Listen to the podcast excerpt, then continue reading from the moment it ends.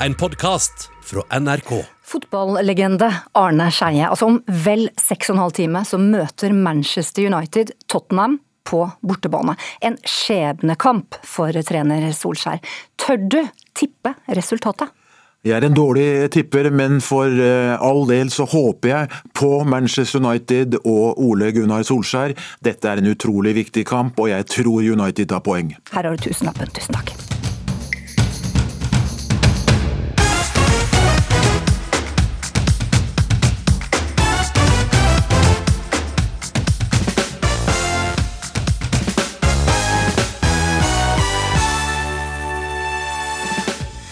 Skudd etter skudd er fyrt av i Oslo. Vi har vært på Stovner hvor mange nå er skremt etter den siste skyteepisoden. Det er mye gjenger. Det er mange steder jeg ikke vil gå på kveldstid. Og da skal vi høre at selv snørrete unger ja, de kan be om knask eller knep i år. Det forsikrer helseministeren. Og vi har besøkt familien som er nabolagets skrekk under halloween. Det er mye død. Det er ikke tvil om det. Og grav, gravstøtter selvfølgelig står jo over hele hagen. Så skal vi, som vi hørte litt tidligere, eh, høre da fra Arne Skeie og Erik Thorstvedt. For de skal varme opp i ukeslutt til kampen Manchester United og Tottenham. Mitt navn er Synnøve Svabø, og vi skal også etter hvert høre fra kveldens spente stjernekampfinalister Bjørn Tomren og Alexandra Rotan. Det blir med andre ord ganske snart klart for tidenes finalefest, når Stjernekamps tiende ultimate entertainer skal kåres på NRK fra Nydalen klokka 19.50 på NRK1 i kveld. Blir det Alexandra Rotan fra Råholt i Eidsvoll kommune, eller blir det Bjørn Tommeren fra Tomrefjorden som stikker av med trofeet? Reporter Iris Andradottir, du er nå på plass i Nydalen Studios, bare timer før det bråker løs. Hvordan er stemningen der? Det er helt eh, riktig, Synnøve. Og her er det veldig mye som skjer. Jeg føler meg eh, nærmest som jeg tar litt for mye plass. Eh, jeg har flyttet meg fra der hvor publikum i kveld skal sitte, til der hvor produsentene sitter, altså under publikumsenden. Fordi Bjørn Tomren driver og varmer opp med litt jodling og trekkspilling. Så her er det veldig mye som skjer. Jeg ser akkurat nå så er det en eh, som går rundt med trommer og litt produsenter som er løper rundt eh, her og der. og lys som skal på plass. Eh, scenen er eh, veldig mørk for tiden, eh, med masse røde scenelys. Og nå skal faktisk Bjørn Tomren synge igjen, så litt usikker på om dere hører han. Det er masse røde scenelys her, og mye som skjer, altså. Ja, Det skal vi snart, eller om en vel en time, så skal vi også høre fra artistene som det dreier seg om i kveld. Alexandra Rotan fra Råholt, Eidsvoll kommune og Bjørn Tommeren fra selveste Tomrefjorden.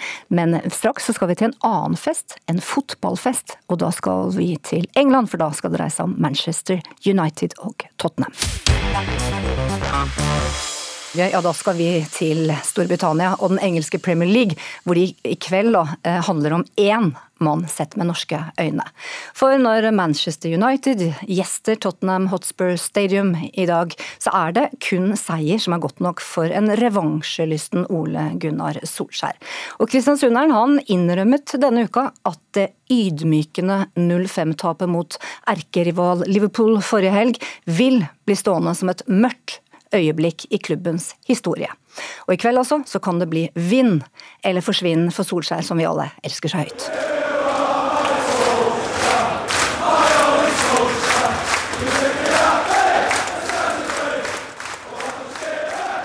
Ja, og ukeslutts reporter Kristine Grønstad Alstad, hun har vært ute på gata her i hovedstaden og sjekket om folket har troa nå på Solskjær i kveld. Jeg tror at vi behøver litt forandring, og han har tapt garderoben, tror jeg. Jeg følger med Solskjær om det går bra med han. Ja, for Hva tenker du om framtiden hans nå? Nei, Det er vanskelig å si. Det er vel ikke så enkelt å få, få det å fungere. Men eh, jeg syns han har klart det bra. og Vi får se på lørdag. Det er jo mye avgjøres da om hans fremtid. Jeg syns han er en ganske flink trener. Jeg syns han ikke burde få sparken, egentlig. Selv om vi ikke heier med nødvendigvis det laget, så, så har det vært litt sånn trist at, eh, at han kanskje må gå, da. Eller mest sannsynlig må gå, hvis ikke det går veldig, veldig bra. Lykke til, Ole Gunnar Solskjær og de som er på United. Ja, og United og trener Ole Gunnar Solskjær de møter også Tottenham hjemme, eh, borte da, hos, i, i, Tottenham, og møter stjerner som Harry Kane og Son og flere. Og eh, en hel fotballverden følger med, selvsagt også deg, legende Arne Skeie. Jeg kaller deg legende. Sånn, sånn er det. Ja da, jeg følger til de grader med, og dette er ikke bare denne kampen. Jeg vil si at denne uka er veldig spesiell. Skulle det gå galt i dag, så er det jo at Atlanta allerede på på tirsdag også denne vanskelige kampen mot Manchester City neste lørdag. Og eh, jeg tror vel ledelsens styre ledelsen, styret, da kommer til å ta en avgjørelse. Jeg håper jo på det beste. Vi vet jo fra et langt liv i engelsk fotball at når du har presse mot deg, når du har supportere mot deg, da er det vanskelig. Men foreløpig føler jeg at Ole Gunnar har tillit i styret, og det betyr veldig mye. Jeg må bare si at du har vært ManU-fan i over 60 år, så folk er klar over det. Ja da, det har jeg vært, og det har jeg aldri lagt skjul på at jeg ikke har vært. Så sånn er den saken. Du, Vi skal også ha med en kapabel kar til. Erik Thorstvedt, altså fotballekspert på TV 2 og tidligere keeper på landslaget. og Tottenham Spurs. Så eh, jeg må spørre deg, dette vil bli en kamp hvor det første målet, vil det avgjøre? Det vil i hvert fall bety mye? Selvfølgelig, Det gjør det alltid i fotball. Det første målet styrer mye. og Særlig kanskje når det er så skjør i selvtilliten som vi vil tro at Manchester United er akkurat nå. Eh, men eh, det har jo vært en, styrke for de tidligere at de har vært flinke til å vise karakter og komme tilbake etter å ha havna under. Og eh, De avslutta nettopp en rekke med 29 bortekamper på rad uten å tape en eneste. Men de siste kampene har det gått veldig dårlig. Og så håper jeg da at, som det ofte gjør for Ole Gunnar sin del at når du treffer bunn med et brak og taper med fem mål eller mer, så er det ofte sånn at du slår tilbake i, i kampen etterpå. Arne Scheim, bare kort for en kommentar fra deg her. Ja, da, For to år siden så var jo Manchester United i en tilsvarende situasjon. Lå på niendeplass og mm, var vel over 20 poeng bak Liverpool. I to neste kampene mot City og Tottenham vant de, så muligheten er der selvfølgelig. Og når United nå har eh, spilt fi, de, tapt tre av de fire ligakampene, så ser jeg et uh, håp om at det skal snu seg. For når vi ser på det laget Manchester United har, så er det jo stjerner på hver eneste plass. Og det er kanskje litt Uniteds fordel at uh, tilstanden er jo ikke helt bra i Tottenham heller. Manageren der er under eh, press, og det er vanskeligheter i Tottenham. Så dette, dette blir en veldig spennende affære i dag i London. Det er du vel enig i, Erik Thorstvedt. Men jeg tenker at uh, har ikke dette laget vårt, Manchester United, eller laget, ikke vårt, laget til Arne Skeie i hvert fall, defensive problemer? Og hvordan skal det løses til kveldens kamp? Jo da, de har hatt uh, defensive problemer, særlig mot Liverpool. Så var det jo nesten ikke engang sånn at Liverpool trengte å spille veldig bra. Jeg har sett Liverpool spille mye bedre førsteomganger enn de gjorde uh, nå sist, men, men, men, United bare serverte de ting, uh, egentlig.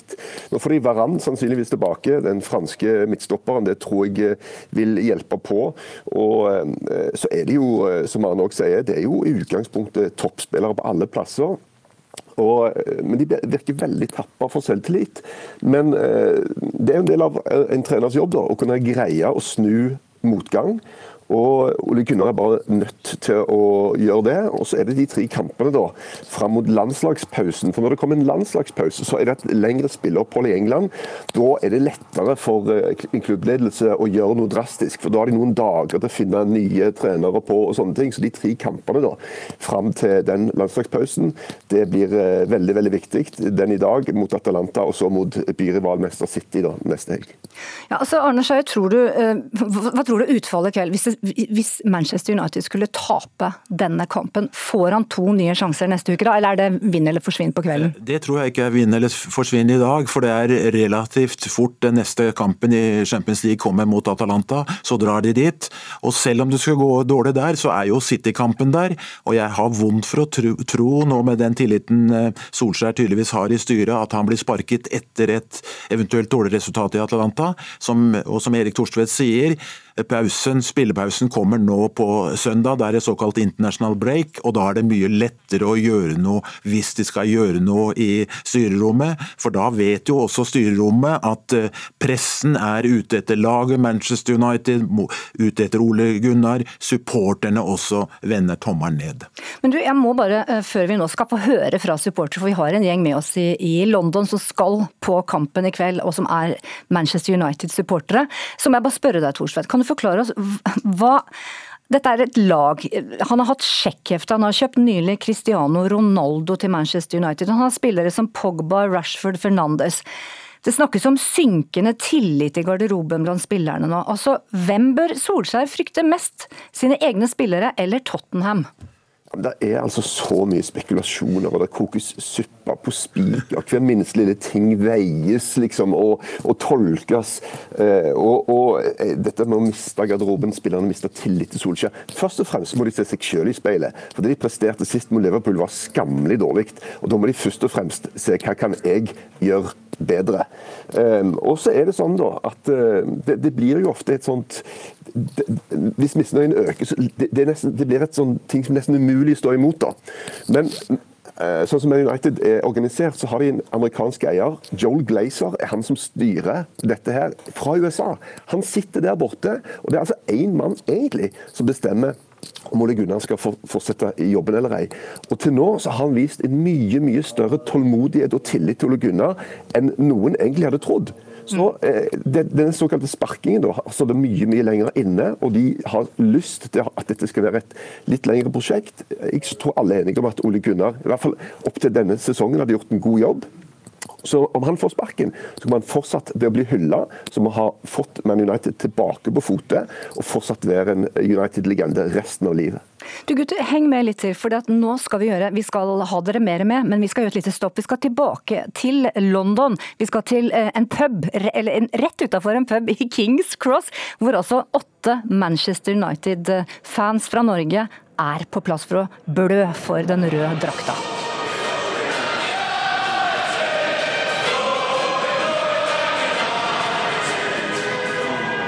Der er bl.a. du nå, Johan Holmefjord fra Fusa i Hordaland. Hei.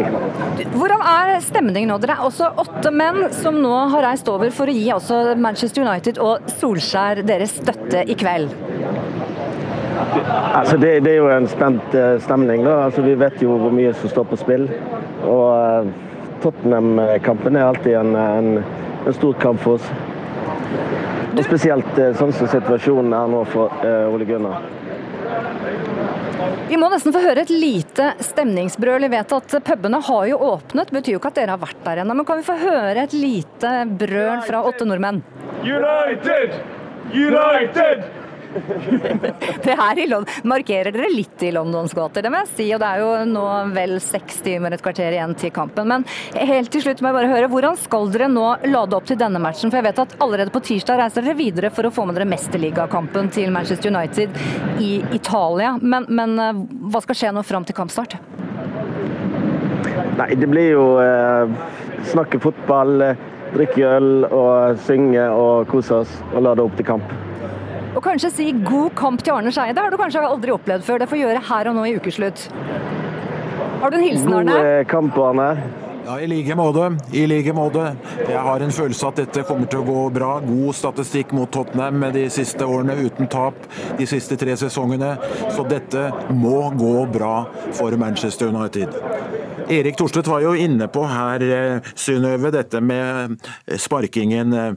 Nå sparket jo United tre managere på fem år. og det er jo ikke så veldig bra for omdømmet å sparke den fjerde i løpet av veldig kort tid. Mm. Så det virker for meg som eh, de som styrer Manchester United, eller han som styrer Manchester United, har tillit. Og Ole Gunnar har jo vist tidligere at han har greid å snu det. Han har eh, i løpet av den korte perioden hatt en annenplass, en tredjeplass i ligaen. Riktignok ikke vunnet noen medaljer ennå.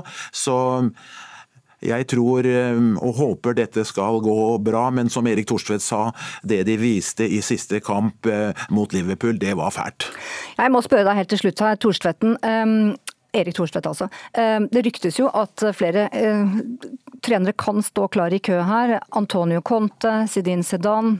Eller hva tror du blir Solskjær trener videre nå? Altså, han, han, får sparken til slutt. Altså, det gjør han, for det gjør nesten alle trenere. Det vet de jo på forhånd. Eh, men det er ikke sikkert at det skjer nå. Stabler de gode resultater på, på beina de tre neste matchene nå, så kommer han til å fortsette. og Da er det bare opp til de selv å, å kunne greie å de, de, har potensial, for de har gode spillere. Ole Gunnar har vist tidligere at eh, dette kan han fikse. Eh, men at det står andre klar, det er helt klart. Og de har agenter som jobber for seg og driver posisjonerer seg i, i køen nå. Men sånn er fotballverden, og det tror jeg Ole Gunnar òg lever greit med. Han konsentrerer seg først og fremst om å få laget sitt til å funke. Eh, Erik Thorsvedt, jeg skal være såpass raus nå overfor kollegaer og si at denne kampen den ser du halv sju eh, norsk tid på TV2 Premium, ikke sant? Takk skal du ha. ja, skulle bare mangle. Og så Arne Skeie, eh, min eh, landslagshelt, holdt jeg på å si, min fotballhelt. Deg ser man i live, levende live hver eneste dag på Majorstua i Oslo, hvis man vil. Det er riktig. Takk skal du ha, og god match! I like måte. Torbjørn Jongland er ute med ny bok som har skapt overskrifter, og han er straks klar for ukeslutt denne lørdagen. Og vi avlegger også straks bydelen Stovner i Oslo et besøk etter skytingen i hovedstaden, hvor du også straks møter Jon Roger Lund, leder for Oslo-politiets driftsenhet øst, som orienterer om dagens situasjon.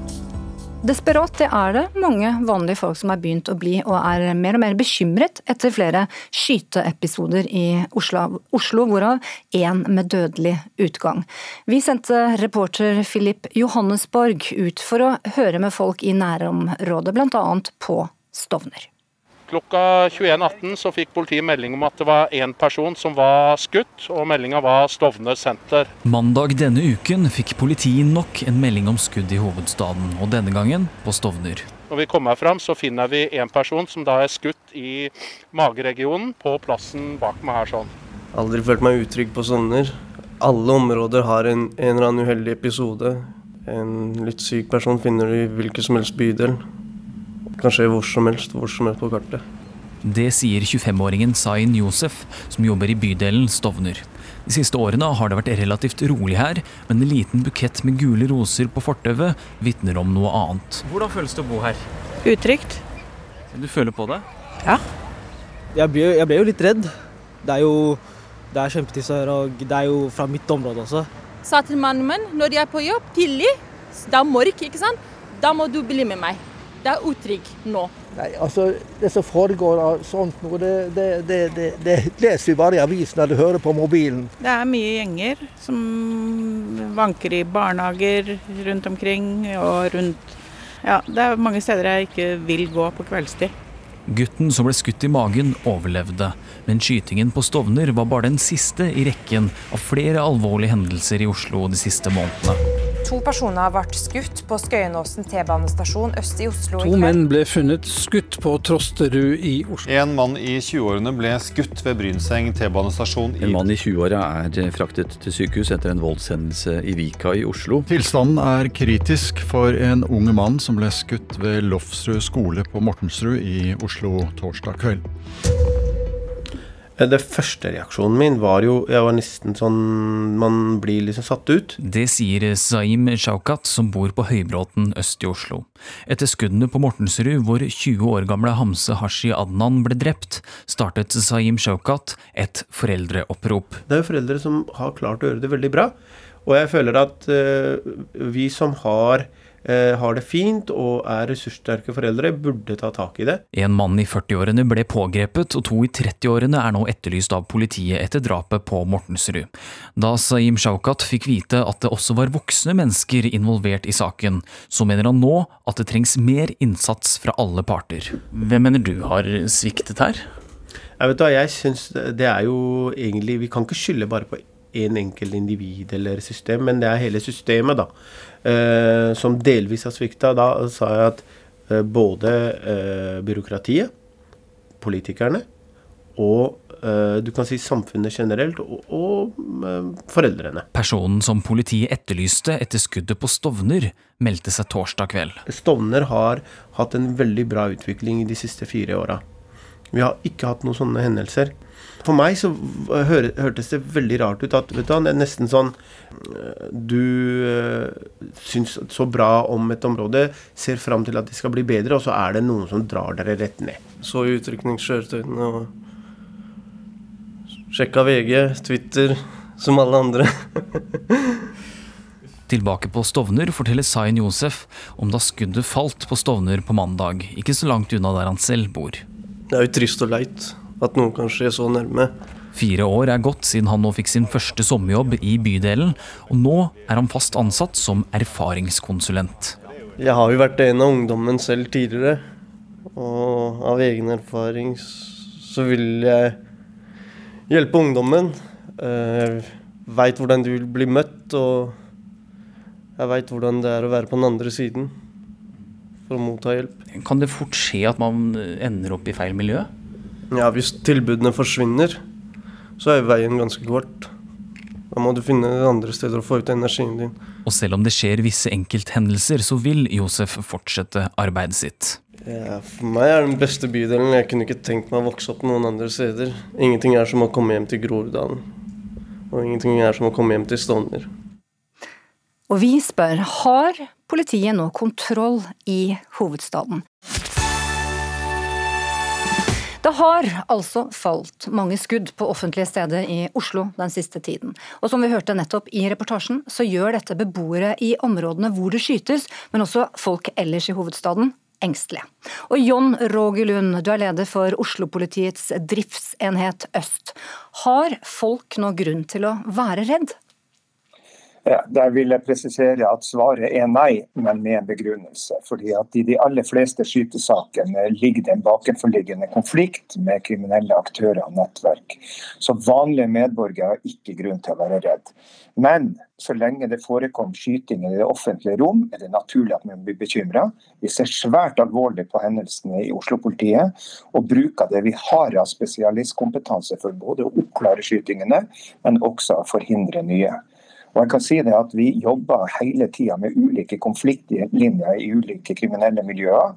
Og For oss er det viktig at vi kan være i forkant og forhindre skytinger.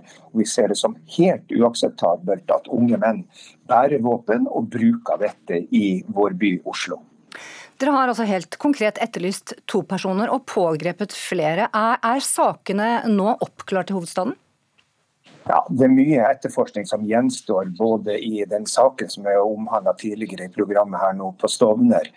Eh, og Vi må belyse sakene grundig før de blir ført for retten. Og det er sånn at Både de siktede og vitner og kriminaltekniske undersøkelser må settes sammen. og Vi mener også det at eh, det er viktig at vitner som vet noe i disse sakene, for vi har én sak på Trosterud som enda ikke det er sikta personer i, at de tar kontakt med oss hvis vi vet noe. Men ellers så er det jo slik at eh, vi har sikta eh, personer i alle saker, med unntatt den eh, på Trosterud. Jeg tror, jeg snakker på vegne av mange når jeg sier at vi er engstelige, fordi at det virker som det har kommet mye, mye enklere nå tilgang til våpen. Hvor er det man får disse våpnene fra? Ja, hadde politiet vært sikker på hvordan, eh, hvordan, hvor disse våpnene kom fra, så skulle vi ha tatt dem.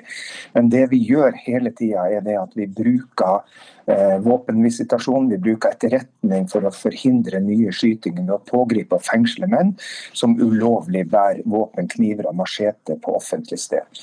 Og eh, Sist eh, i forrige uke så hadde vi jo, siden den tragiske hendelsen ute på Mortensrud, så har vi jo da pågrepet seks personer og fengsla disse. Så de, de, opplever også at rettsvesenet er veldig på i forhold til å bruke varetekt når eh, folk går og blir pågrepet med våpen, uten å ha brukt de på offentlig sted. Det mener vi er helt uakseptabelt. Men når dere eh, stopper eller pågriper folk da med våpen på offentlig sted, om det er pistol eller kniver, så sier mange at de bruker de eller har de med for å beskytte seg selv. Eh, hva sier du til vanlige folk?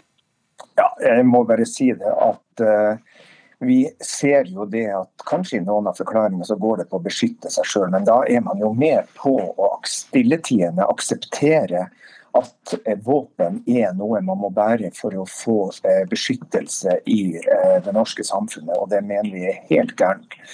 Og vi ser jo det at voksne menn, eller unge voksne menn som har gripet til våpen den siste perioden i Oslo, det fremstår som de har lav terskel for å bryte skytevåpen, selv om det er veldig høy oppdagelsesrisiko i disse sakene, som understrekes med at vi har sikta folk i alle saker, unntatt den på Trosterud. Kan du gi oss her og nå et bilde på den gjengsituasjonen som hovedstaden står overfor, altså omfanget, og om politiet har kontroll? Ja, vi i politiet har vi veldig god eh, etterretningsinformasjon om hva det er som rører seg. Så kan vi aldri klare å være i forkant på alle disse hendelsene. Og vi er bekymra over eh, at vi har hatt så mange hendelser den siste tiden. Og eh, byens politimester har sammen med både byråd og andre aktører sagt at dette finner vi oss ikke i. Så eh, jeg tror at vi i mye større grad må eh, tenke som så at Oslo er en trygg by Eh, med andre store byer vi kan sammenligne oss med. Men likevel så må alle medborgere i Norge og Oslo stå opp og si at man aksepterer ikke skytevåpen slik vi har sett den siste tiden. Det får bli rett og slett siste ord. John Roger Lund, leder for Oslo-politiets driftsenhet øst. Da har jeg fått storfint besøk i studio, vil jeg si. Et av de største. For han har besatt de tyngste jobbene i norsk politikk. Partisekretær, partileder i Arbeiderpartiet, stortingspresident, statsminister, utenriksminister, leder av Nobelkomiteen og nå sist altså leder av Europarådet. Og slikt blir det bøker av. Bind to av totalt tre planlagte memoarer fra et politisk liv av Torbjørn Jagland, ja det kom ut denne uken. Og det har allerede skapt noen overskrifter. Velkommen Torbjørn Jagland til Ukeslutt. Tusen takk, og hyggelig å se deg igjen. ja, takk for at du tar det på den måten. Du, du har jo opplevd så mye vet du, at det er nesten som når jeg ser disse bøkene, at det er som å lese historien om Robinson Crusoe. Altså for et liv du har levd på de syv hav! Ja, jeg har jo vært med på mye og stått i front på mye gjennom alle disse årene, så det har jo vært interessant. og Derfor så syns jeg også det er riktig at jeg skriver om hvordan jeg ser tingene. Jeg eh, påstår ikke at jeg har hele sannheten om alt, men det er min fremstilling av det. Ja. Og den eh, feier seg inn i andres fremstillinger, som kan, eh, så vi danner et helhetsbilde. Ikke sant. Og det antar jeg at temperaturen hos deg også har vært skyhøyt over 36,9 denne uken? For det har blitt overskrifter? Ja da, jeg var jo spent på mottagelsen, fordi du vet ja, Det var vel Helge Krogh som sa det, at eh, forargelsen er et middel til å unngå å forstå det som vil være ubehagelig å forstå. Eh, og det har vi sett litt av. For jeg har jo skrevet om ting som ikke er så veldig behagelig å tenke på i ettertid. F.eks. hvordan hele establissementet i Norge heiet fram bombingen av Libya. Eh, hadde det ikke vært for at vi fortsatt ser dramatiske konsekvenser av det, så hadde jeg selvfølgelig ikke gått så mye inn på det. Men det er jo nettopp det vi gjør. Vi er ikke ferdig med det. Vi ser nesten bare begynnelsen. Du, hvis folk var vel, for Vi kan ikke gå gjennom hele boka. så Husker du hvilket kapittel eller sidetall det begynner på det kapittelet der? For det er jo et ganske viktig kapittel i boka. Er vi på side Nei, jeg, 100? Jeg, jeg, nevner, jeg nevner, det egentlig flere ganger. Ja. Uh, først uh, da jeg sitter i Strasbourg og ser på at uh, norske myndigheter slutter seg til denne bombekampanjen det var i seg sjøl dramatisk, fordi man må huske på at jeg hadde vært leder av Stortingets utenrikskomité og stortingspresident, og jeg kjente godt til Grunnloven og hva som står i Stortingets forretningsorden om hvordan utenrikspolitikken i landet skal føres. Og det å gå til dette skrittet og slippe bomber over et annet land eh, ved hjelp av SMS og eh, mobiltelefon, det var i seg sjøl dramatisk. Det er helt utrolig. Det må man lese i boka. Det er spennende. Ja, det, det, er jo spennende. Man må ja, ja. si det sånn selv om det er en stygg del av virkeligheten. Men du, boka di, altså den nummer to, 'År i fred og ufred', der har du kommet med stikk vet du, til sittende eh, statsminister Jonas Gahr Støre, og også Nato-sjefen da Jens Stoltenberg. Angrer du nå på noe av det, når du ser liksom hvor, hvor mye dra drama det har skapt? Jeg eneste jeg er litt forundret over at uh, her i landet, så hvis man nevner særlig ett av de navnene, så får man på pukkelen med en gang. Jeg har ikke gjort annet enn å argumentere for en politikk eller mot en politikk som jeg ikke er enig i. Jeg er ikke enig i at eh, Nato skal eh, bli med på noe i den geopolitiske kampen mot Kina. Jeg er ikke enig i at det er nødvendig med denne voldsomme militære opprustningen igjen. Eh, så ja. Og det er din versjon? Det, det er, det er min versjon, versjon, og det er ikke så veldig mye å jeg, jeg skjønner ikke at det ikke går an å ha en sånn debatt. Men du, er du Noen sier at uh, Jagland en bitter mann. Det rimte nesten. Jagland en bitter mann. Men er du det? Det er en måte å sette folk til side på og drive med sånn stempling. Mm. Eh, så jeg forstår ikke egentlig at mediene, som skal være ytringsfrihetens eh, fremste forsvarer, eh, gir seg til med det. De burde jo være veldig glade for at det kommer motytringer, og at det er debatt. Så det er, men jeg har jo ingenting å være bitter over. Nei. Det, det, burde du ikke ha. Og du har penger på bok, og det er helg! Og dette er din versjon. Og du, det er jo bind to av tre. Kanskje kommer Netflix-serie, kanskje kommer film. Du har jo egentlig tatt en knausgård. Vet du hva jeg tenkte? Jeg vet nemlig at du er litt glad i helger og lørdager. Så for å sette deg litt Vi skal ikke ha noe bitter det, Vekk med det bildet! Hør her nå. nå. Nå gir jeg deg lørdagen. Bare kjenn på det. Den er til deg. Elsker deg. Du er vår skjønne sjarmør.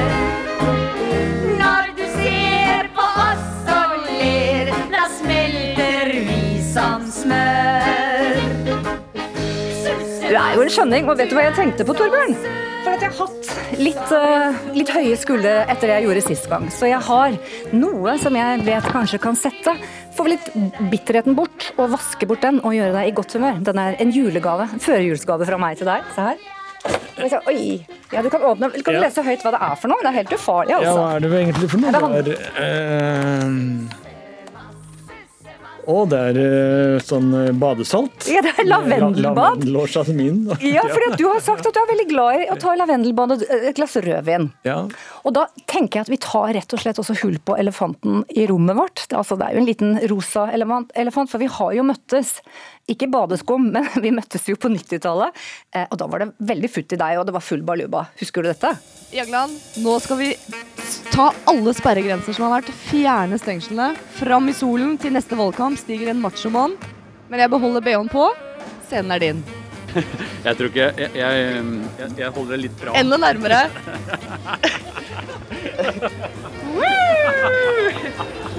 Fjern den mannen! Han er gæren!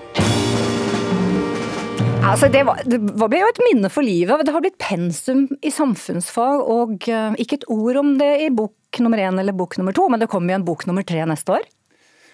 Nei, Det var jo du som inviterte meg til det, da. Uh, men det var klart det var, det var jo Jeg tror for en del av mediene så var det bra at de fikk meg til det, fordi da kunne de dra meg inn i akkurat den samme virvelvinden som andre politikere ofte sto i, nemlig å bli med på hva som helst. Mm. Så da fikk man meg som medskyldig også, til tross for at jeg var veldig tilbakeholden med mange sånne ting. Det var det, kan jeg garantere. Så det var min skyld, og det har jeg hatt behov for å si. Men jeg skulle bare i hvert fall si en ting som du kan ta med deg ut herfra, da, mens andre kanskje etter hvert går i bokhylla og kikker litt nærmere på boka di. Det er rett og slett dette med at um, du har jo etter, det, etter, etter, dette håndslaget, skal vi si, eller jaglangrepet, så har, jo, har, jo, karrieren din skutt fart. Det ble Strasbourg, det ble tjenere, 3000 kvadratmeter og doble pensjoner. Mens jeg, Jagland, det var en slags forbannelsestrekk ved de hendene, for jeg har bare vært på flekken her. Så det, det kan du i hvert fall. Det var, var 2-0 til Jagland der. Ja, og da får jeg si det er din skyld. Ja. Takk skal du ha. Vi høres sikkert igjen når, når bind tre kommer, da. Ja. Da står det kanskje nå meg og Epstein. Uh, ja. Og prins Andrew. Vi får se. Vi får se. Ha det. Ha det.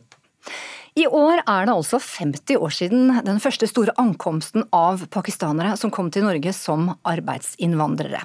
De kom hit i håp om en bedre framtid, og i helgen så markeres jubileet med folkefest og kongebesøk ved Oslo rådhus.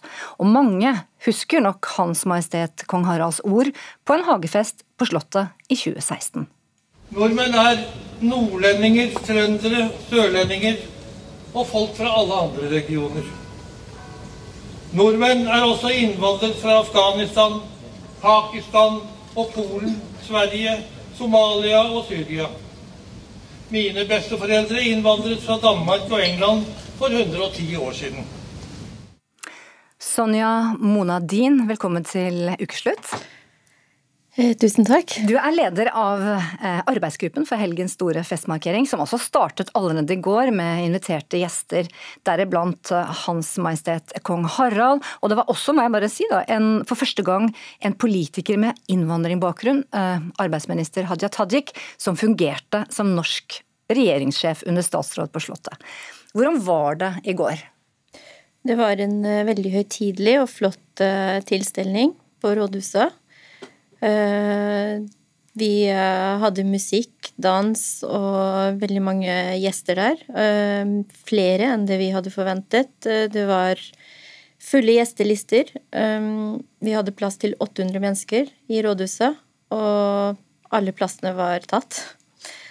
Og i dag er det fest igjen. Du, du kommer hit jeg må bare si det, du kommer hit eh, ferdig sminket. Du har eh, antrekket klart, fordi at i kveld så er det ordentlig folkefest på Rådhusplassen. Og du skal være konferansier, og det begynner bare klokken tre i dag? Det stemmer. Det mm. begynner klokken tre.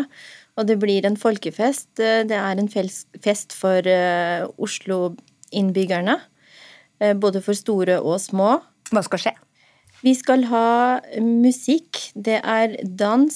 Det er uh, uh, hennamaling, mat og en uh, flott uh, sminkør som skal sminke en, en brud på dette stedet. Så så det, det, blir et syn. Eh, hun skal ha på seg eh, store, sånn eh, ordentlig flotte, store klær. Og bli sminket. Dette her er noe som tar veldig lang tid. Opp mot sånn tre-fire timer. Og det kan folk følge med på i løpet av dagen. Har du blitt sminket i to-tre timer allerede? Nei, faktisk. Jeg har blitt sminka i en sånn uh, typisk uh, festsminke for pakistansk fest. Og fest er noe pakistanere kan, spesielt mm. bryllupsfester. Og de er jo, hvis noen kjenner noen pakistanere, som kjent har Vi kan jo ha opp mot mellom fem og seks fest, forfester før en selve bryllupet. Så det er, det er tung øyensminke, det kan jeg si. Det er, det er, øyevipper herfra til Hollywood. De er lange. Det er mørke bryn, det er, det er rouge og mørke lepper. og ja, Veldig ja. nydelig, må jeg si. Mm. Du, For å komme litt mer i stemning, så vet jeg at du har Jeg spurte deg om det var noe musikk som du tenker liksom fanger litt feststemningen i dag da, for pakistanere generelt. Og da, da, er det en som er litt populær, så vi kunne hørt litt grann av. Tadim.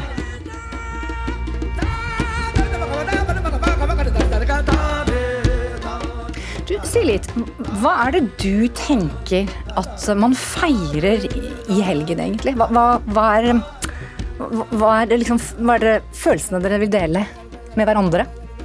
Vi feirer jo det at eh, de eh, første, eh, første pakistanerne kom jo hit til Norge på 70-tallet, tidlig 70-tallet, til og med rundt 1969-68, de tidligste. Det var jo arbeidsmigranter, veldig mange altså fedre, menn, som kom hit for å jobbe.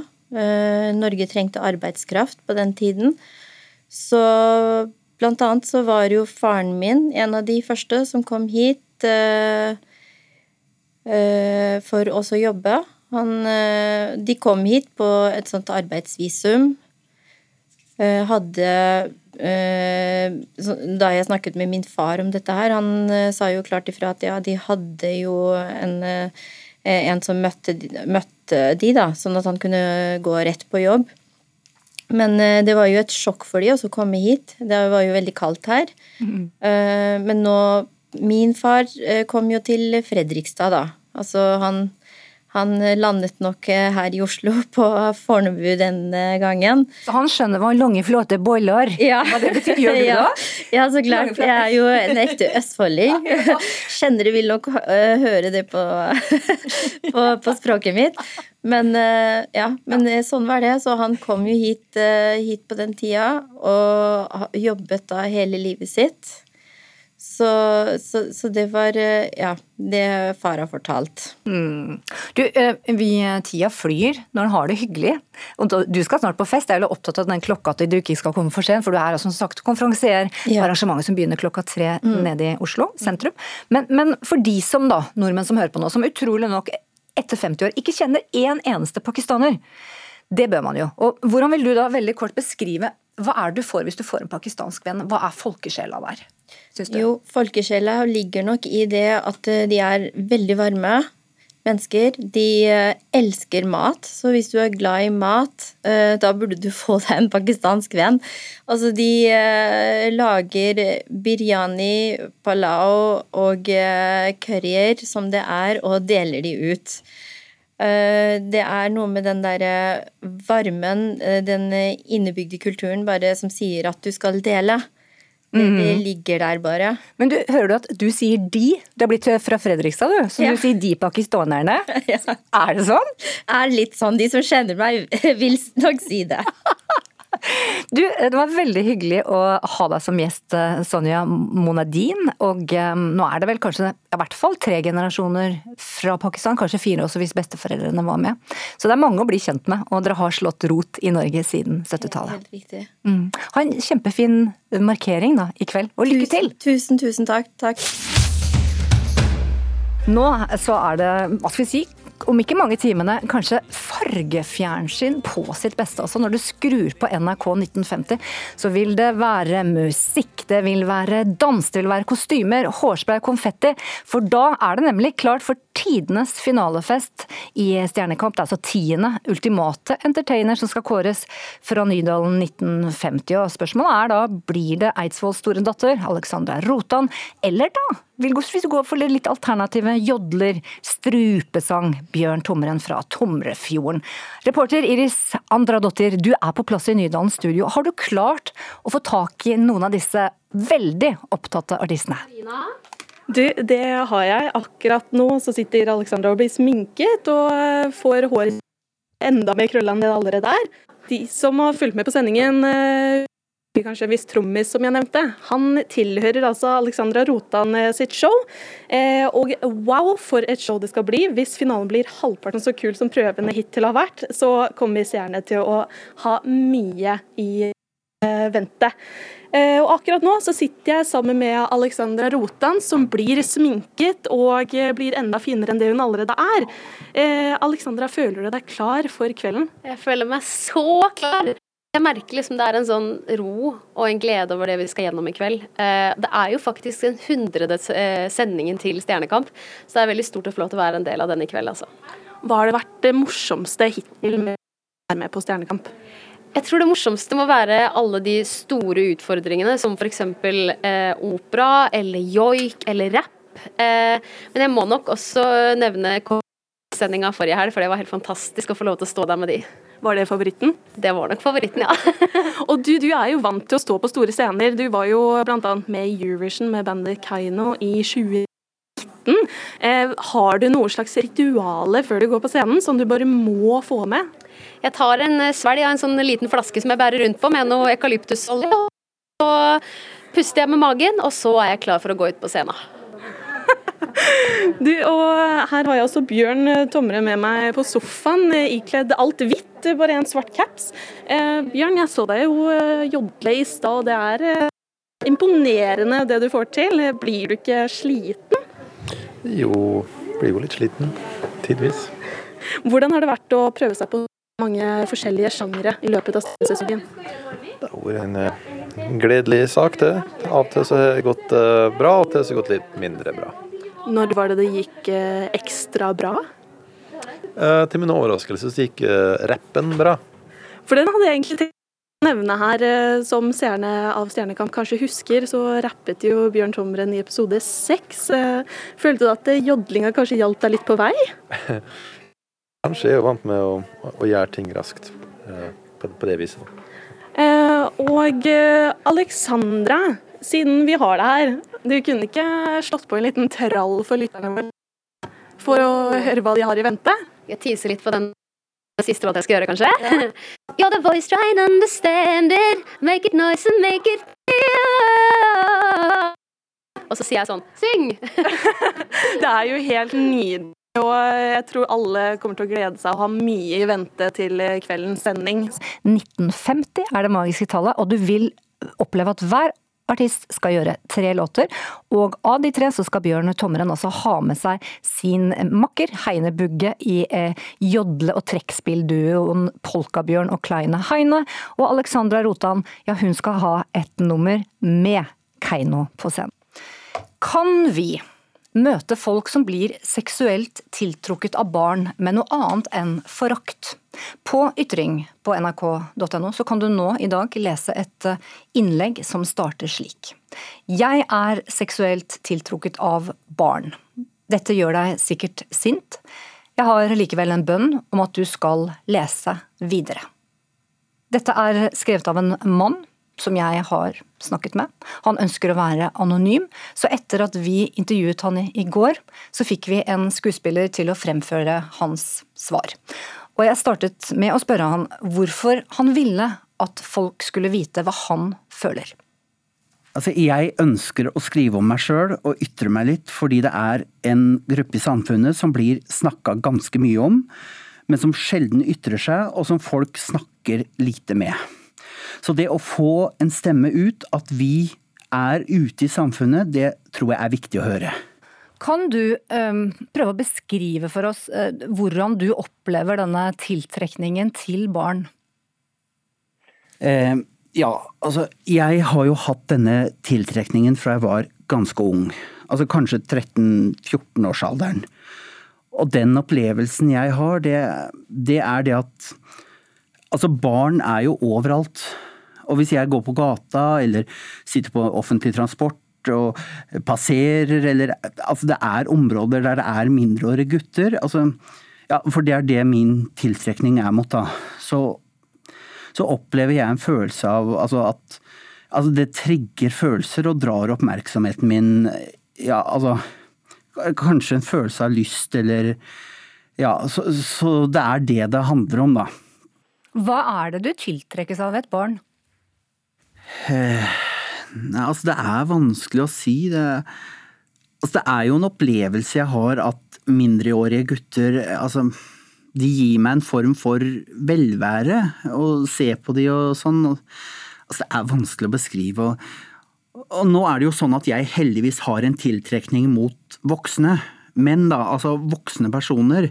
Så det er ikke heller sånn heldigvis at jeg har noen sånn tiltrekning av type kjærlighet eller ja, Altså, jeg har vel egentlig i hele livet unngått å ha ansvar for barn og, og jobbe med barn osv. Og, så og det er jo nettopp fordi at jeg opplever denne tiltrekningen som ubehagelig. Hva gjør du når disse tankene oppstår? Ja, altså jeg har jo gått på Det finnes hjelp og mottatt behandling der. Og det å finne gode metoder for å forholde seg til tanker og følelser ja, altså Det er jo ikke sånn at når jeg var ferdig med behandlinga der, så var tiltrekninga gått over. Men tiltrekninga er med meg og ja, altså vil sannsynligvis være med meg resten av livet. Spesielt siden jeg har hatt den tiltrekningen siden jeg var mindreårig sjøl. Og ja, tidligere ikke hatt noen å snakke med om det og sånn. Men, eh, men det jeg gjør, er at jeg har en form for mindfulness eh, for meg sjøl. Hvor jeg lar tankene eller følelsene bare komme. Og så anerkjenner jeg det, og så fokuserer jeg på andre ting. Og det kan være å ta opp mobilen, eller ja, nå kommer den følelsen, og sånn, og så går jeg videre. Og så tenker jeg det at altså, den følelsen og de tankene som foregår inni hodet mitt, det skader ikke barn. Altså, de er jo trygge uansett. Det er noe som foregår inni mitt hode, og som jeg må forholde meg til. Eller hvorfor er det viktig for deg å være anonym? Eh, altså, grunnen til at jeg ønsker å være anonym, det er sånn at jeg opplever det at det kan være farlig for meg å stille med navn. Altså, jeg skulle gjerne stilt med ansikt, men dessverre er det sånn at hvis jeg står fram med navn, så vil det kunne bety at det sinne og ja, vold og trusler ikke bare vil ramme meg, men det vil også kunne ramme familien min, ektefellen min. Altså, jeg er jo redd for å miste jobben. Altså, jeg har også hele livet Altså, hvert vennskap jeg inngår, så tar jeg det forbeholdet at hadde disse personene blitt glad i meg og villet være venn med meg hvis de visste da hva jeg gikk rundt og følte på, ikke sant? Du er ikke dømt for noe, og det betyr vel også at du ikke har gjort noe? Det stemmer. Men likevel, like, likevel så vil kanskje noen som hører på nå, da, uh, ha avsky for at du har nettopp denne lysten. Forstår du dette sinnet i folk? Ja, altså det forstår jeg veldig godt, ja. Og du, du, leser jo om de sakene som kommer frem om grove overgrep og trusler og ja, sånne som manipulerer og truer og Så det er ikke rart. Og det er jo så mange som jobber, altså har fått den tilliten av samfunnet til å jobbe med barn i skoleverk og barnehage osv. Altså, det er helt forferdelig, og jeg skjønner at det gir en enorm utrygghetsfølelse for folk. Eh, altså, jeg forstår at også at at det er en ubehagelig tanke for folk som har barn, å vite at det går folk rundt i samfunnet som kan tiltrekkes av deres barn hvis de tilfeldigvis passerer på gata. Altså, det skjønner jeg, og det er på en måte greit.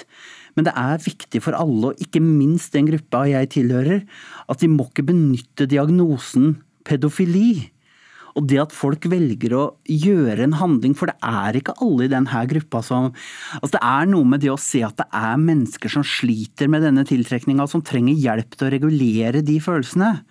Altså Jeg håper at den avskyen, altså selv om den er veldig forståelig, så tror jeg ikke på sikt at det hjelper med forebygging av overgrep og seksuelt misbruk. Altså Det hjelper ikke mennesker som er i min situasjon at de blir så skremt at de ikke tør å få hjelp.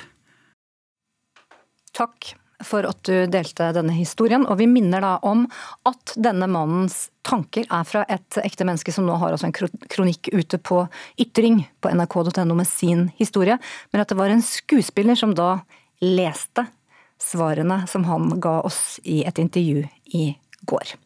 I studio nå som har sittet og lyttet på denne historien, det er deg, Margrethe Wide Aasland, som er også spesialist i sexolog, sexologisk rådgivning. Og du har også behandlet overgripere i en årrekke. Hva, hva tenker du umiddelbart? Hva syns du om det du hørte nå? Eh, jeg tenker at, eh, at er, altså, De fleste som sitter og hører på dette her, enten man har vært utsatt for det, eller man er et, et menneske som har lest om overgrep, så er dette en historie som er veldig ærlig, bånn ærlig. Eh, det jeg tenker med en gang, er at jeg skulle ønske at eh, alle som begår seksuelle overgrep, tar, tar et initiativ til å gå i behandling. Og jeg tror at Noe av det viktigste kanskje med en behandling, det må være det er et langt lerret å bleke. Så jeg tenker på at du som har begått seksuelle overgrep eller har følelser, seksuelle følelser for barn, eh, må komme til en erkjennelse av hva, hva er grunnen til at du har disse seksuelle følelsene. Jeg har jobbet med overgripere som kanskje i en årrekke, kanskje fem eller ti år, tre år eller syv år, finner ut hvor, kanskje årsaken til at dette startet. Uh, og at Før man vet årsaken til at man har, har uh, en seksuell tiltrekning av barn, så tror jeg man må komme til den erkjennelsen for å være helt sikker. Det er et langt langt lerret å bleke. Og, og, når man har kommet til den erkjennelsen og finner ut av det, så er det kanskje lettere å sette ting litt på plass og prøve å finne ut at, at, faktisk, at de også kan dempe de seksuelle følelsene de har overfor barn. Og, og slipper å tiltrekke seg barn som går forbi seg på gaten. Han sier at han har kontroll over disse følelsene, eh, ikke er pedofil, og han ber om forståelse for følelsene sine, og mener at chatting og samtaleterapi da eh, vil foregripe, og at han noen gang vil gjøre et overgrep. Er du enig? Ja, altså Vi må jo tro på han og hans historie. Altså, og det er mennesker, Jeg har jo møtt mennesker som har, har tiltrukket, blitt tiltrukket av barn. Som er redde for å begå seksuelle overgrep mot barn, som søker, søker, terapi og hjelp. Og vet at det er galt, og vet at det er skadelig, og vet at barn kan uh, få store, veldig store traumer ut av å bli utsatt for seksuelle overgrep. For barn ønsker jo ikke og har jo aldri godt av en seksuell omgang med et voksent menneske.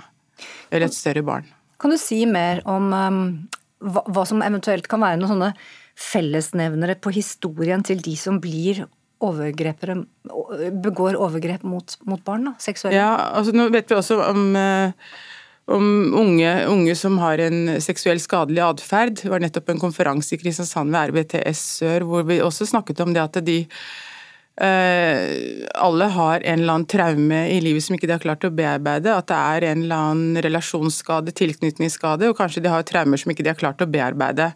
Og dette gjelder nok i stor hovedsak uh, menn og kvinner som uh, har begått eller seksuelle overgrep, eller som har en tiltruk seksuell tiltrekning til barn. Vi vet ikke alltid helt årsaken til hva som kan være Det er ikke alle som har vært utsatt for seksuelle overgrep, f.eks., men at de har noe, noe i bagasjen som de ikke har fått klart til å få hjelp til. Men tiltrekning, seksuell tiltrekning, det er jo en, en, en veldig sterk eh, drift, eh, følelse. Er det egentlig mulig eh, med samtaleterapi å endre eh, og kurere det? Denne driften og følelsen? Altså, noen opplever at de har, har kommet så langt i, i, behandling og terapi at de, de, føler at de i hvert fall kan klare å finne andre en måte, måter å løse, løse, det på hvis de blir til, seksuelt tiltrukket av barn. Eh, at de, sånn som han, denne mannen også forteller, at han driver med mindfulness. altså Det finnes sikkert uh, metode for oss å klare det, men det viktigste er jo at de klarer å, å finne ut til kanskje årsaken inni seg selv. Hva var grunnen til at jeg begynte med dette?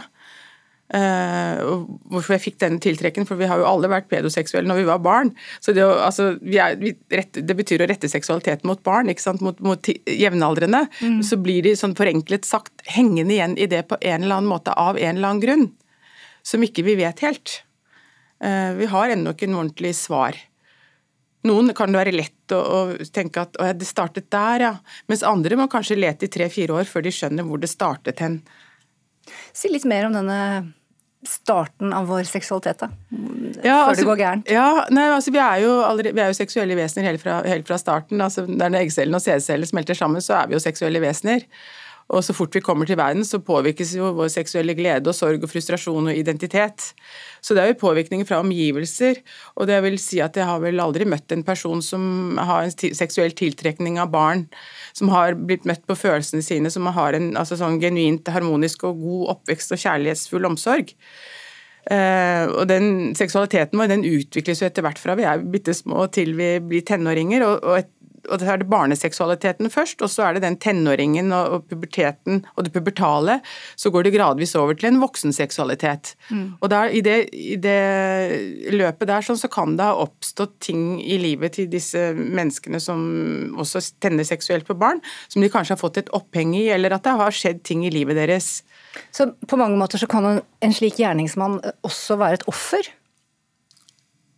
Selv? Ja, han kan også være et offer selv, men jeg syns også det er viktig å tenke at jeg opplever også at denne mannen som, som du nettopp har intervjuet, også um, Som vi da må presisere aldri har, har begått, levd, ja, han har ikke levd ut ja, disse lystene. Ja. Men jeg tenker at han også påpeker noe som er ganske viktig. da, At dette her er, er ikke noen unnskyldning, men det er en forklaring. Det jeg sitter og sier nå er ikke en unnskyldning for at overgrep kan skje, men det er en forklaring på hvorfor det kan skje. Og Derfor så er det så kjempeviktig at det norske samfunnet Det er jo et, samfunn, et folkehelseproblem, seksuelle overgrep mot barn. Så det er kjempeviktig at man ikke skjærer ned på tilbud til barn, til, tilbud til voksne, tilbud til ungdom. At man gir nok bevilgninger til at barn skal få gå i fritidsklubber, at barn skal få lov til å være sammen med voksne, at de skal få den omsorgen som de trenger når, når ting er vanskelig for dem. Da. For det er jo forebyggende å gi barn en god oppvekst. Men, og da er kanskje dette øh, med at man kaller noen øh, kaller disse menneskene som har disse lystene da for monstre. At de er farlige. Hva tenker du om den filosofien? Jeg synes at de som kanskje har vært ut, ikke kanskje, men de som har vært utsatt for seksuelle overgrep, og kanskje deres pårørende, vil nok eh, helt sikkert kan vi tillate at de kaller de monstre innenfor husets fire vegger. Men når politikere og andre går ut og, og snakker om disse som monstre, så vil jo det steget da til å ta kontakt med hjelpeapparatet være veldig stor. For det er jo klart at noen av de har jo grusomme traumer, traumer som de ikke har forklart å bearbeide. Men ser jo, noen ser jo også på seg selv som, som uh, som monstre. At de vet at de gjør det de gjør er galt. De får barna til å ikke si noe om det. De truer, presser, lokker barn til å delta i seksuelle aktiviteter. Og på et eller annet sted inni mange så opplever de at det, de vet at det er galt, selv om de opplever at det de, de gjør, ikke er galt. Um, kan du gjenta spørsmålet? Nei, jeg tenkte um, Er det farlig at man som samfunn på en måte ja. setter de i en bås som monstre, at det ikke er noe håp? Ja, men det er jo et håp. Og jeg tenker at hvis, hvis vi kaller, de monster, så vil jo trappetrinnet til å komme inn i, i, behandling, til å søke hjelp, bli større. For dette her er jo mennesker, Når de virkelig ønsker, ønsker, behandling, så er det jo bare å ta imot med åpne armer. For det, viktigste er jo at en, en, som begår seksuelle overgrep mot barn, innrømmer å ta på seg skylda og går i behandling.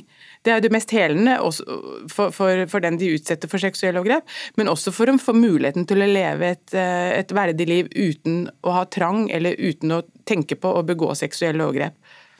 Du skal få helt til slutt Margrethe Wede Aasland, spesialist i sexologisk rådgivning. Eh, behandlet flere overgrep over mange år. Eh, her i Ukeslutt får lov til å snakke direkte til noen som eventuelt sitter med sånne vanskelige tanker akkurat nå, om lyst overfor små barn. Hva vil du si til det? Ja, nei, jeg synes at De må, må ta kontakt med, med Helsedirektoratet sin, eh, sin, telefon og sin chattelinje, og søke hjelp. og få hjelp til å prøve å finne ut av hva var grunnen til at du disse, begynte å få disse seksuelle følelsene overfor barn. Og få muligheten til å bearbeide traumer som du har opplevd, og slutt å begå seksuelle overgrep. Ingen barn har glede av eller nytte av eller har godt av å bli utsatt for seksuelle overgrep, for det er så skadelig at du kan være med på å drepe et menneske. Søk hjelp. Og nettstedet det heter detfinneshjelp.no. Takk for at du kom. Og lykke til til deg som ønsker å ta konsekvensen av en seksualitet på avveie. Og da gjør vi et ganske brått temaskifte her i Ukeslutt, fordi nå skal vi til halloween, og helseminister Ingvild Kjerkol hun tok tidligere denne uka en trick or treat da hun skremte norske barn med at denne halloween, da må noen barn holde seg hjemme. Dette sa hun på Dagsnytt. Skal snørrete unger ut og be om godteri nå? Nei, snørrete unger kan dessverre ikke gå halloween. Man må holde seg hjem når man er syk, og det går an å gjøre det trygt og fornuftig, og det håper jeg alle gjør i helga. Nei da, det var jo bare skremsel, så nå har hun snudd. Men hun presiserer at um, ja, snørrete barn de kan gå rundt og be om godteri, ta et triks eller to på trappa. Hvis de ikke er syke, da må dere holde sengen, da. Men i morgen så er det da igjen tid for eh, halloween og knask og knep. Men er du eh, typen som storhandler godteri og gleder deg til å få skumle barn på døra? Eller slukker du lyset og gjemmer deg slik en fjerdedel svarte i en fersk undersøkelse? Vår reporter Linn Beate Gabrielsen hun dro hjem til en familie som virkelig slår på stortromma og bruker flere dager på å gjøre hus og hage klar for halloween. Og se her, nå begynner det å sive røyk. Oi. Det lukter røyk når du tar den opp. Ja, det gjør det. Så her, så her eh, det er litt sånn, lukter jo rockekonsert når du er på, på dette her, da.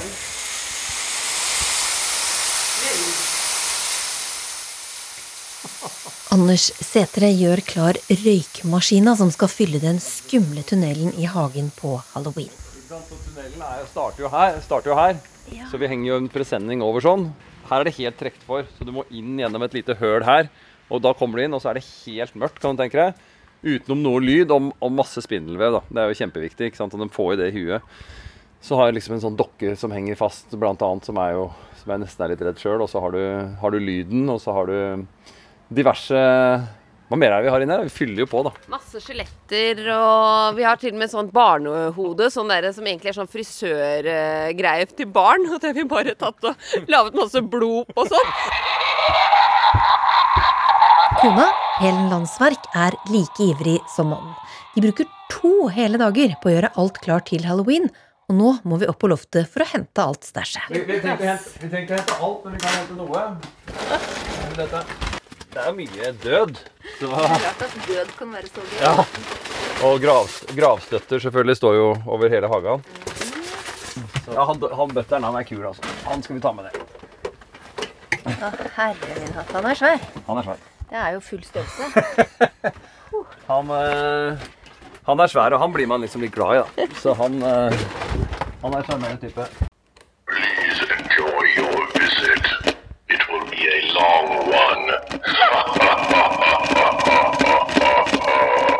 Litt nytt må også til hvert år. Og tre store poser står på kjøkkenbordet nede, fylt med blodige hender og parykker.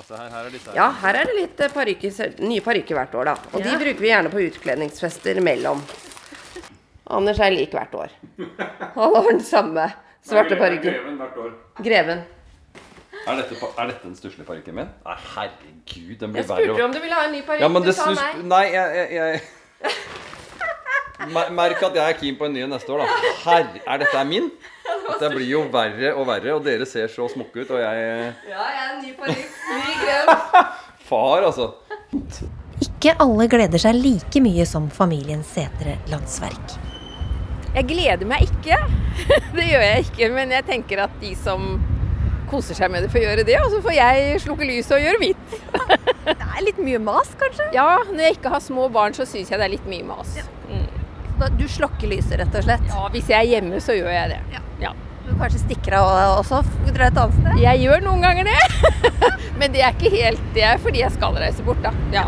Mm. En av fire gjør som denne muntre dama ved Oslo City, gjemmer seg på halloween. I hvert fall ifølge en undersøkelse som Den danske bank har gjort. Men halvparten sier de gjør mer ut av feiringa nå enn for ti år sia. Ja, jeg gleder meg veldig. Og det her Jeg spiser alltid mest godteri på halloween. Jeg gleder meg kjempemye. Olav Lykke står i køen til en av Oslos største kostymebutikker. Køen slynger seg rundt hjørnet, selv om kunder konstant slippes inn. Um, vi skal prøve å finne halloweenkostyme, fordi jeg skal være zombie. Og så skal jeg kanskje ha litt hvitmaling, sånn jeg kan ta i fjeset. De mange ungdommene i køen gleder seg til litt annen type moro. Hva er det du gleder deg til? Drikke. ha det gøy, se bra ut i kostyme. Gleder meg som bare det. Hva er bra med halloween? Da er det damer, og det er gutta, og det er eh, god kok. Det er det det er. På Røa pleier flere hundre barn å stikke innom den skumle hagen til Helen Landsverk og Anders Setre på halloween. Da må man levere. Jeg dro av sted til 47-årsdagen min. Så kjøpte jeg meg dette her, vet du. Og det var jo Så jeg måtte kjøpe meg en soundbox. Og det er jo en Det er jo grisebra lyd inn. Eh, og det er jo selvfølgelig med tanke på halloween. Og den her får jeg, den her får jeg seriøst goosebumps av. I'm gonna get you. Jeg merker at det er mye å gjøre. Mye som skal skje Ja. disse dagene. Er du klar? Ja, jeg, jeg blei veldig klar nå, så det var bra at dere vekte oss litt, uh, li- litt i i gang her. I'm watching. Da gjenstår det å si at ansvarlig for denne sendingen har vært Hanne Lunås. Teknisk ansvarlig har vært eh, Kari Li. Det skal være omvendt, selvfølgelig. Men helt til slutt så satt hun Synnøve Svabø, som ønsker deg en strålende høsthelg med NRK, både på TV og radio.